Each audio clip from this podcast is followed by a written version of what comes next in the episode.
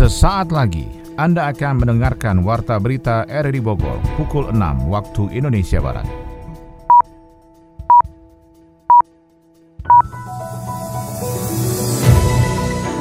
Selamat pagi dan salam jumpa. Kami kembali hadir dalam Warta Berita edisi pagi ini, Sabtu 19 Juni 2021. Siaran ini bisa Anda dengarkan melalui audio streaming pada aplikasi RRI Play di smartphone Anda dan bisa Anda dengarkan juga di Radio Tegal Beriman, Kabupaten Bogor.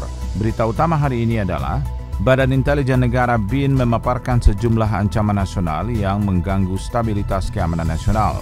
Pembangunan di tingkat desa menjadi bagian penting dalam peningkatan indeks pembangunan manusia. Bersama saya Maulana Isnarto, inilah Warta Berita selengkapnya.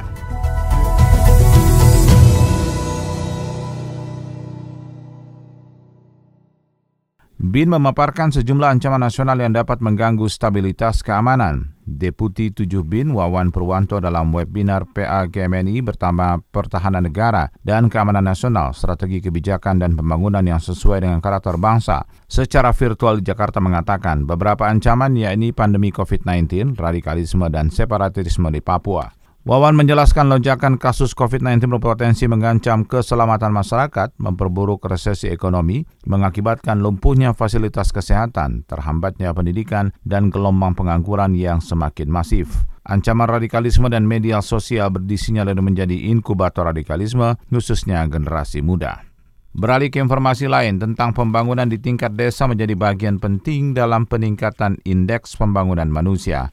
Laporan disampaikan Yofri Haryadi. Pembangunan di tingkat desa menjadi bagian penting dalam meningkatkan indeks pembangunan manusia. Luasnya wilayah Kabupaten Bogor dan berbatasan dengan wilayah ibu kota menuntut pemerintah menyediakan infrastruktur desa yang lebih baik. Tujuannya adalah agar mendekatkan arus modal dan pertumbuhan ekonomi di wilayah pelosok yang ada. Hal tersebut diungkapkan Bupati Bogor Ade Yasin usai didaulat sebagai Bunda Desa oleh pengurus Persatuan Anggota Badan Permusyawaratan Desa BPD seluruh Indonesia Kabupaten Bogor. Melalui program 1 miliar satu desa, Samisade, Bupati Bogor memastikan ke depan tidak ada lagi desa tertinggal dan desa menjadi ujung tombak pertumbuhan ekonomi di Kabupaten Bogor dengan memaksimalkan sumber daya dan potensi di 416 desa yang ada. Ini desa kita di Kabupaten Bogor yang dekat dengan Jakarta ini jangan ketinggalan, kita bisa lebih maju karena jarak yang dekat ini juga tentunya harus menjadi pemicu kita untuk terus bagaimana kita fokus untuk pembangunan di desa baik pembangunan fisik maupun sumber daya manusia. Cairan awal sudah 54 desa ya,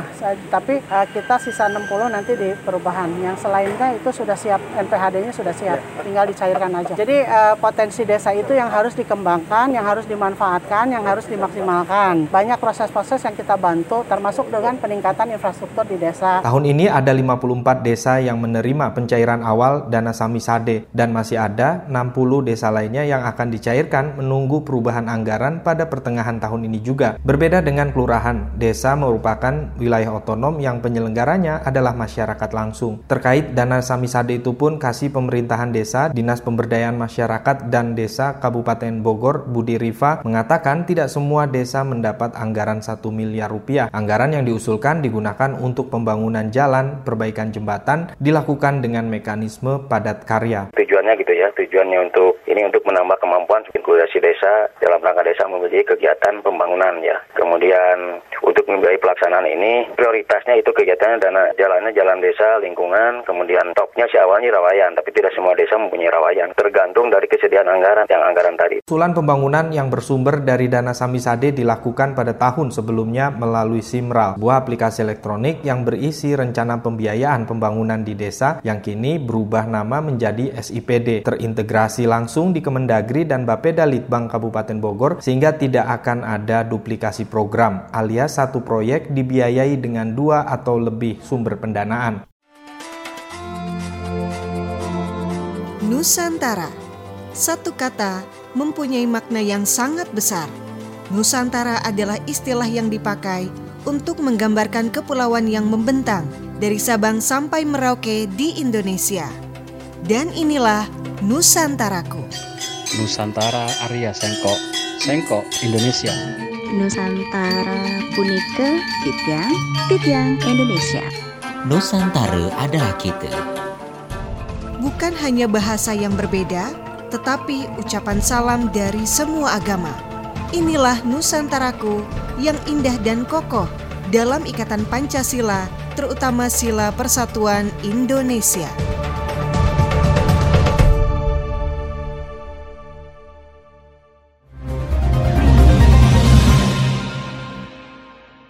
Warga dan pengguna jalan di perlintasan palang kereta api Kecamatan Parung Panjang Bogor mengeluhkan posisi rel yang lebih tinggi dari badan jalan yang mengakibatkan celaka para pengguna jalannya. Kembali Yofri Haryadi melaporkan.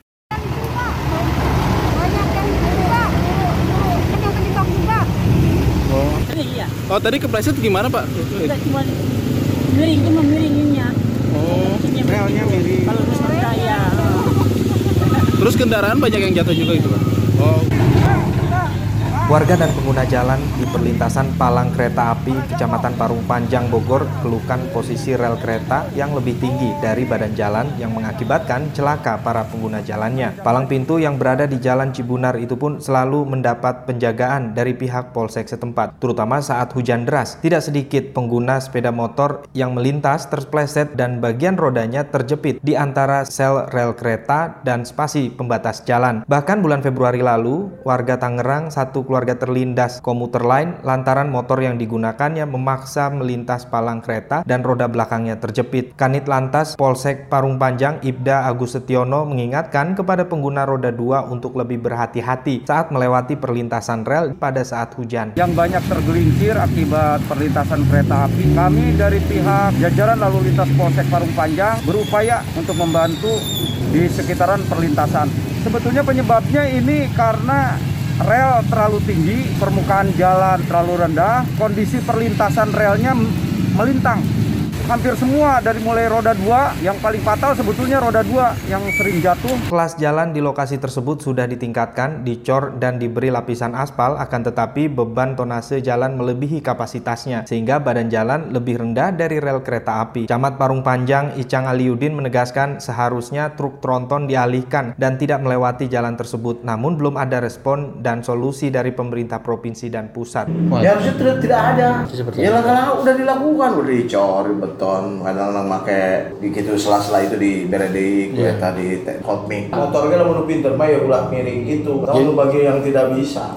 Masalah biasa sebenarnya. Ada kaitan dengan jalur tambang itu jalur mobil besar. Rel kereta itu bergerak dan turun naik itu dia itu yang kemarin mobil tertabrak aja sudah saya sampaikan ke pusat mana. banyak laporan warga mengalami celaka dan luka-luka saat melewati perlintasan double track rel kereta Parung Panjang Bogor. Petugas baik polsek dan kecamatan sudah melaporkannya ke PT KAI dan stasiun Parung Panjang untuk dicarikan solusinya dari dunia ekonomi, Kementerian Energi dan Sumber Daya Mineral mengelontorkan 2,6 triliun untuk 362,974 ribu sambungan gas rumah tangga pada enam kecamatan di Kabupaten Bogor. Sambungan gas bumi untuk rumah tangga itu sudah sesuai dengan Rencana Pembangunan Jangka Menengah Nasional 2019-2024. Direktur Perencanaan dan Pembangunan Infrastruktur Minyak dan Gas Bumi Kemen SDM Nur Arifin Muhammad menjelaskan dalam RPJMN, pemerintah menargetkan 3,5 hingga 4 juta sambungan gas rumah tangga hingga 2024. Dalam upaya percepatan itu, pemerintah menggunakan skema kerjasama pemerintah dengan badan usaha KPBU, salah satu Pemkap Bogor, dan kerjasama dengan pihak swasta maupun pemerintah daerah.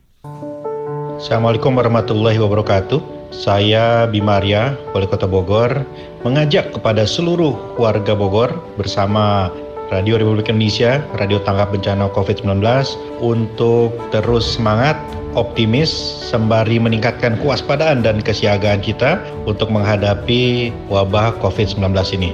Tetap di rumah, pastikan jaga kesehatan, selalu menggunakan masker apabila terpaksa keluar rumah. Mari kita sama-sama menghadapi bencana COVID-19 ini tidak ada yang tidak bisa jika kita tidak menguatkan kebersamaan kita. Semoga kita semua selalu diberikan kesehatan oleh Allah Subhanahu wa taala. Wassalamualaikum warahmatullahi wabarakatuh. Beralih ke berita olahraga, Direktur Operasional PT Liga Indonesia Baru, Sujono memastikan di Liga 1 dan Liga 2 akan dimulai dengan pertandingan tanpa penonton di stadion. Sementara itu, manajer tim futsal Kabupaten Bogor Teguh Joko sangat mengapresiasi perjuangan tim Putri Bumi Tegak Beriman yang sukses mengamankan tiket putaran final Pekan Olahraga Provinsi ke-14 Jawa Barat. Dua berita tersebut terangkum dalam informasi olahraga bersama Ermelinda.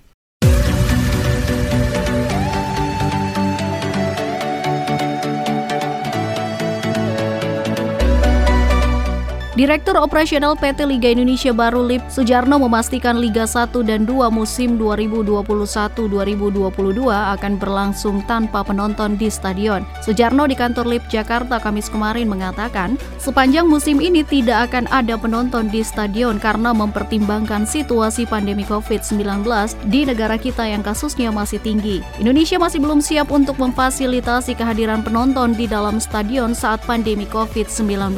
Salah satu permasalahan permasalahannya adalah infrastruktur. Diingatkan masih banyak stadion di Indonesia yang akan dipakai di liga belum menggunakan kursi tunggal atau single seat. Hal-hal tersebut dinilai menyulitkan untuk menerapkan regulasi pembatasan jarak fisik atau physical distancing antar penonton. Sujarno menegaskan musim 2021-2022 akan dimanfaatkan untuk mengkaji soal penonton sambil menyiapkan semuanya termasuk infrastruktur. Kalau hal tersebut sudah dilakukan dengan baik pada musim 2022 2022-2023 penonton dapat datang ke stadion. Kompetisi ini berlangsung dengan format liga penuh tetapi dengan sistem seri. Ada enam seri yang akan dilaksanakan di tiga klaster daerah di Pulau Jawa. Manajer tim futsal Kabupaten Bogor, Teguh Joko sangat mengapresiasi perjuangan tim Putri Bumi Tegar Beriman yang sukses mengamankan tiket putaran final Pekan Olahraga Provinsi Porprov ke-14 Jawa Barat 2022. Setelah menyelesaikan tiga laga dengan kemenangan penuh di ajang babak kualifikasi Porprov 2021 pada grup A yang berlangsung di Garut Sport Hall sejak 15 hingga 17 Juni 2021. Sebetulnya kita grupnya itu ada di wilayah sini, wilayah Depok, Bogor, wilayah puncak raya lah sebetulnya ya dengan kota Bogor, kota Depok, tapi karena kebijakan dari asosiasi futsal provinsi kita ternyata dipindah ke wilayah Bandung Raya. Jadi barengnya sama kota Bandung, eh maksud Kabupaten Bandung Barat, Kabupaten Bandung sama kota Cimahi ada empat tim dengan Kabupaten Bogor. Di pertandingan awal kita dengan kota Cimahi Alhamdulillah menang 3-1. Pertandingan kedua dengan Kabupaten Bandung Barat menang 6-1. Dengan terakhir dengan Kabupaten Bandung 6-0. Grup A. Tapi sekarang kita bisa lolos BK. Ini sebuah prestasi yang luar biasa karena lawan-lawan di Bandung itu kan bukan lawan-lawan yang sembarangan. Cimahi itu kemarin juara dua AFP.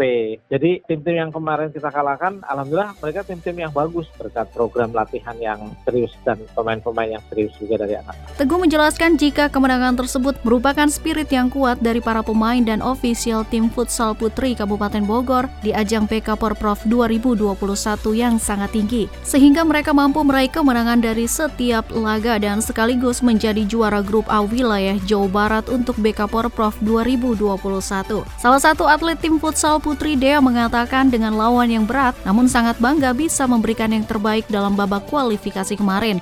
Pertandingan kemarin cukup bisa dibilang deg-degan karena itu suatu buat kita lolos kan udah ditargetin buat ikut ke buat ikut ke Porprov ya. Pertandingan kemarin alhamdulillah bisa dilewatin dengan tiga kemenangan yang sangat berkesan pastinya. Bangga buat saya sendiri sebagai pemain Kabupaten Bogor bisa membawa Kabupaten Bogor lolos di babak kualifikasi kemarin. Teguh memastikan jika timnya sudah mengamankan tiket menuju Porprov 2022. Kendati demikian, tugas Pengcap ke depan harus berusaha sekuat tenaga untuk bisa mengawinkan gelar juara cabur futsal di pentas olahraga 4 tahunan di Jawa Barat tahun 2022 mendatang. Bukan itu saja, Teguh juga sangat bangga dengan dukungan dan support penuh yang diberikan oleh Ketua Harian Asosiasi Futsal Kabupaten Bogor, Arif Rahman yang langsung mendampingi tim putri bertanding pada BK Porprov 2021 kemarin.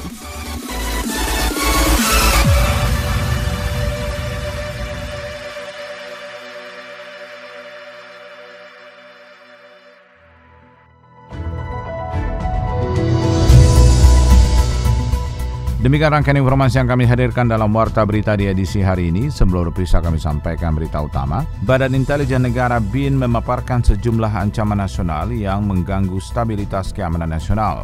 Pembangunan di tingkat desa menjadi bagian penting dalam peningkatan indeks pembangunan manusia. Siaran ini bisa Anda dengarkan juga melalui podcast kami di Spotify, Anchor, Portal, dan Google Podcast. Saya Mulane Starto, mewakili kerabat kerja bertugas mengucapkan terima kasih atas perhatian Anda. Selamat pagi, sampai jumpa.